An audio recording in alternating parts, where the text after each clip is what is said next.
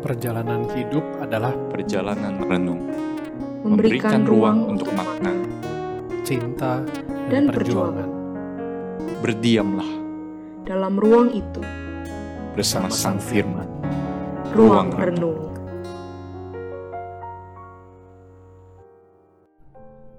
Shalom, salam kenal dan salam jumpa rekan-rekan pendengar podcast Ruang Renung yang terkasih di dalam Tuhan Yesus Kristus. Senang sekali boleh menyapa rekan-rekan sekalian dalam kesempatan ini. Saya pribadi sangat mengapresiasi platform pelayanan ini.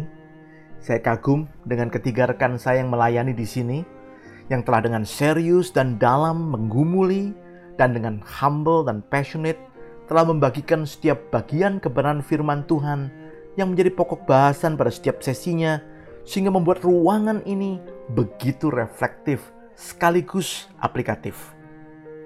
Saya juga sangat terharu dengan semangat dan karunia yang dimiliki ketiga rekan Rick, Febri, dan Mia yang tak henti mempersembahkan karya-karya terbaik mereka bagi pekerjaan dan kemuliaan Tuhan. Saya berdoa agar lebih banyak lagi rekan yang terberkati, bahkan terinspirasi melalui pelayanan yang indah ini. Kiranya Tuhan ditinggikan dan memberkati kita sekalian. Baik, untuk kesempatan kali ini, saya diminta membagikan refleksi pribadi saya berkenaan dengan kitab Hakim-Hakim. Saudara, saya setuju bila dikatakan bahwa kitab Hakim-Hakim adalah sebuah kitab yang bernuansa kelam. Betapa tidak? Bukan hanya isinya yang syarat dengan narasi kekerasan dan peperangan yang berdarah-darah, tetapi juga keapa-adaannya dalam menggambarkan kebejatan dan kebebalan umat yang begitu memprihatinkan. Kalau diminta memakai satu kata untuk merangkumkannya, mungkin salah satu kata yang tepat adalah kata ironis.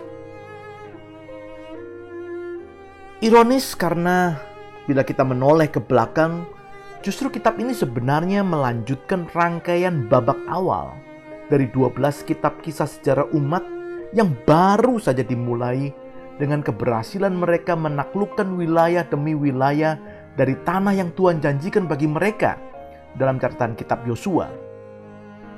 Bahkan di ujung kitab tersebut, satu halaman saja sebelum kitab Hakim-Hakim ini, kita sudah bisa melihat bagaimana Yosua, sang pemimpin umat, mengakhiri kitab itu dengan pidato heroiknya yang sangat menggelegar. Pilihlah pada hari ini kepada siapa kamu akan beribadah. Tetapi aku dan seisi rumahku, kami akan beribadah kepada Tuhan. Yang kemudian pidato itu diresponi oleh umat dengan ikrar yang membahana. Jauhlah daripada kami meninggalkan Tuhan untuk beribadah kepada Allah lain. Kami pun akan beribadah kepada Tuhan, sebab Dialah Allah kita. Tetapi begitu kita mengawali kitab Hakim-Hakim, kita sudah diberitahu bahwa kita akan bertemu dengan kisah yang kontras dengan ikrar tersebut. Mereka mengabaikan perintah Tuhan untuk menumpas seluruh bangsa kafir yang ada di tanah itu, sehingga membuat kehidupan mereka sering terseret pengaruh buruk bangsa kafir tersebut, meninggalkan Tuhan dan beribadah kepada ilah-ilah lain. Ironis, karena terkesan kitab yang dikenal bertabur pahlawan-pahlawan iman ini justru dibungkus dengan beragam kisah-kisah kejatuhan umat dalam dosa dan kesalahan yang mendukakan hati Tuhan.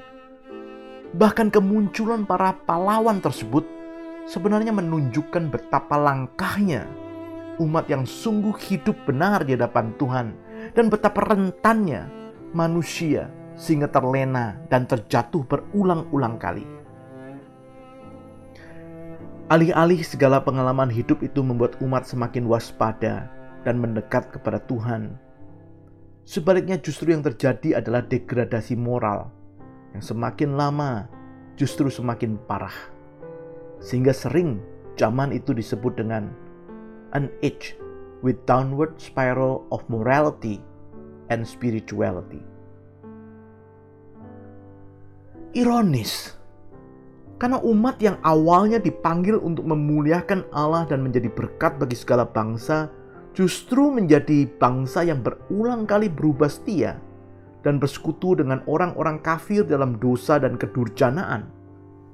Sehingga tepatlah komentar penutup di akhir kitab ini yang menuliskan,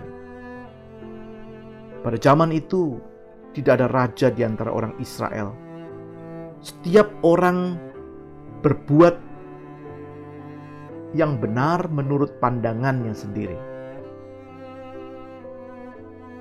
Saudara keironisan itu hadir karena umat tidak lagi berpegang pada ketetapan absolut Tuhan yang telah Tuhan anugerahkan kepada mereka. Sebaliknya mereka melakukan apa yang mereka anggap benar menurut subjektivitas masing-masing. Kesan ironis yang dimunculkan oleh kitab ini tentu saja seharusnya mengantar kita untuk menyadari akan beberapa hal penting berikut.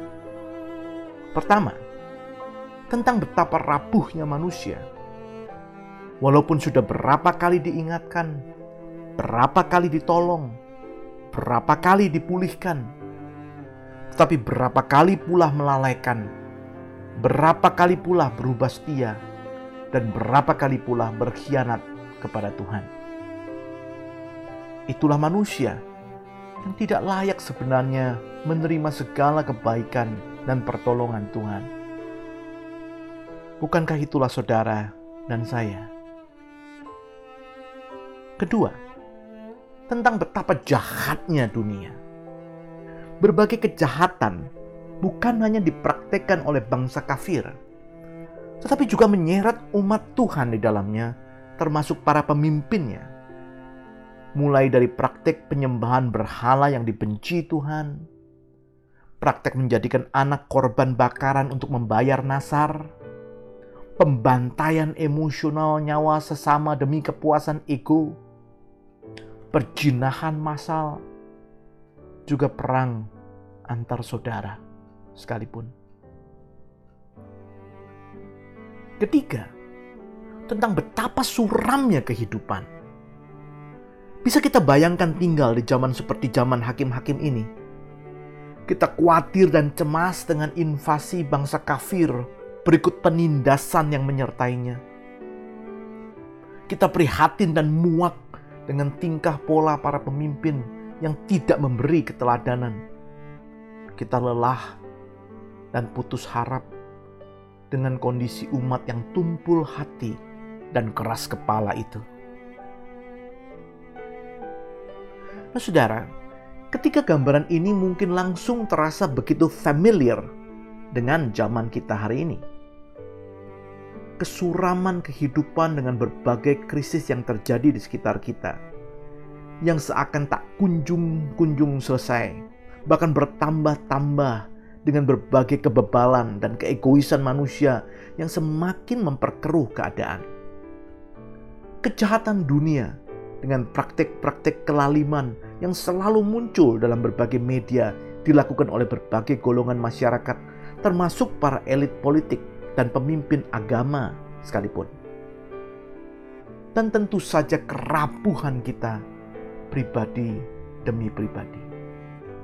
Yang berulang kali jatuh bangun bahkan pada kesalahan dan kegagalan yang sama. Mengingkari iman dan janji kita kepada Tuhan.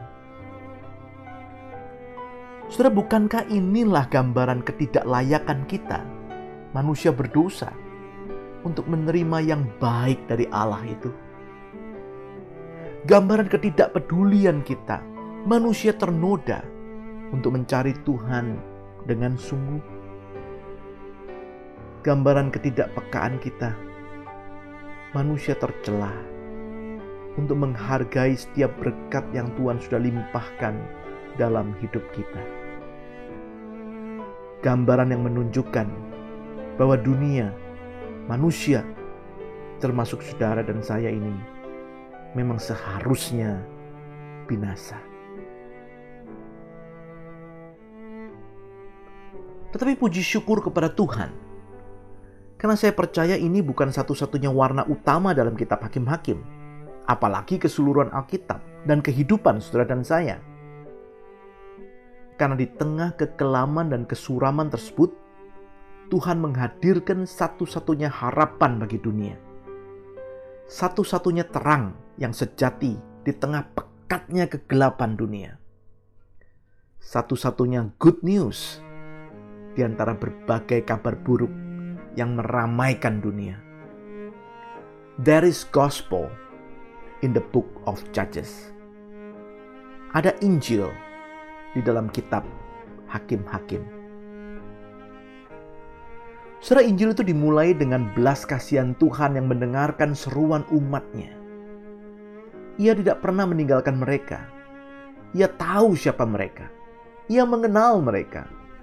Gembala yang baik itu mengenal setiap dombanya.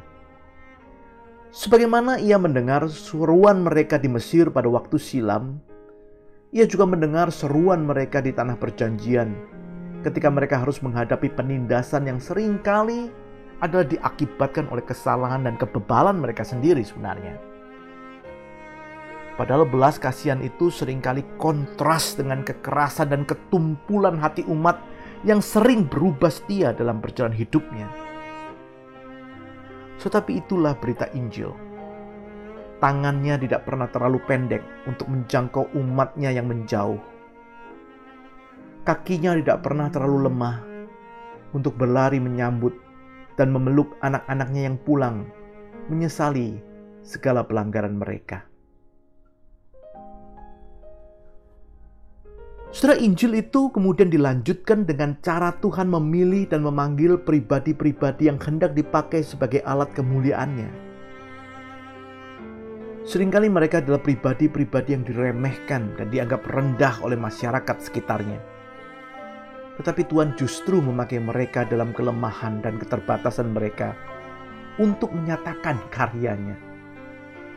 Seperti Tuhan memakai Ehud yang bertangan kiri di tengah masyarakat yang bertangan kanan pada waktu itu. Seperti Tuhan memakai Deborah, seorang perempuan di tengah dunia dengan budaya pria sebagai pemimpin. Seperti Tuhan memakai Shamgar, yang kemungkinan bahkan berasal dari keturunan bukan Yahudi murni. Seperti Tuhan memakai Gideon, yang paling muda di tengah saudara-saudaranya yang lebih senior seperti Tuhan memakai Yefta yang adalah anak dari seorang pelacur di tengah dunia dengan anak-anak sah yang dianggap lebih layak. Saudara itulah berita Injil. Tuhan memakai mereka yang kecil dan hina untuk menyatakan karya-karyanya yang agung dan mulia. Sebagaimana hari ini Tuhan juga akan memakai mereka yang dianggap kecil oleh dunia untuk menyatakan kuasa Allah yang besar. Jangan khawatir Tuhan tidak bisa memakai kita yang lemah dan tidak berdaya. Tetapi waspadalah jangan sampai ketika Tuhan ingin memanggil kita, justru kita mengabaikan panggilannya. Atau awaslah, jangan sampai kita justru merasa terlalu hebat, sehingga Tuhan tidak berkenan memakai kita.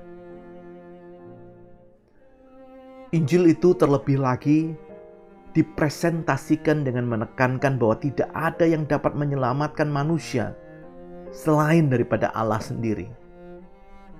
Segala usaha manusia itu terbatas dan memupuskan harapan. Semua kepemimpinan manusia itu lemah dan mengecewakan. Segenap mimpi manusia itu fana dan menyesatkan pada akhirnya hanya Tuhanlah satu-satunya jawaban dan jalan keluar bagi segala man masalah manusia. Satu-satunya juru selamat bagi hidup manusia berdosa.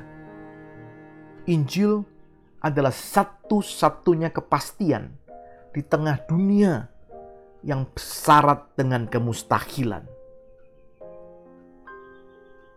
Sudah karena itu mari kita kembali kepada Injil itu di tengah krisis yang berkepanjangan ini, mari kita kembali bersandar dan berharap hanya kepada Allah. Di tengah krisis yang menyerang seluruh umat manusia ini, mari kita menyediakan diri, dipanggil, dan dipakai oleh Allah bagi kemuliaannya. Di tengah krisis yang berat dan menyesakkan ini, mari kita terus mengabarkan Injil Tuhan, satu-satunya yang dibutuhkan oleh semua orang. Sehingga di akhir kitab kehidupan kita masing-masing, boleh ditulis sebuah ayat yang berkata, pada zaman itu tidak ada raja di antara umat manusia. Setiap orang berbuat apa yang benar menurut pandangannya sendiri. Tetapi tidak demikian dengan anak-anak Tuhan. Mereka takut akan Tuhan dan berpegang pada kebenaran Tuhan. Solideo Gloria, Tuhan memberkati saudara sekalian. Amin.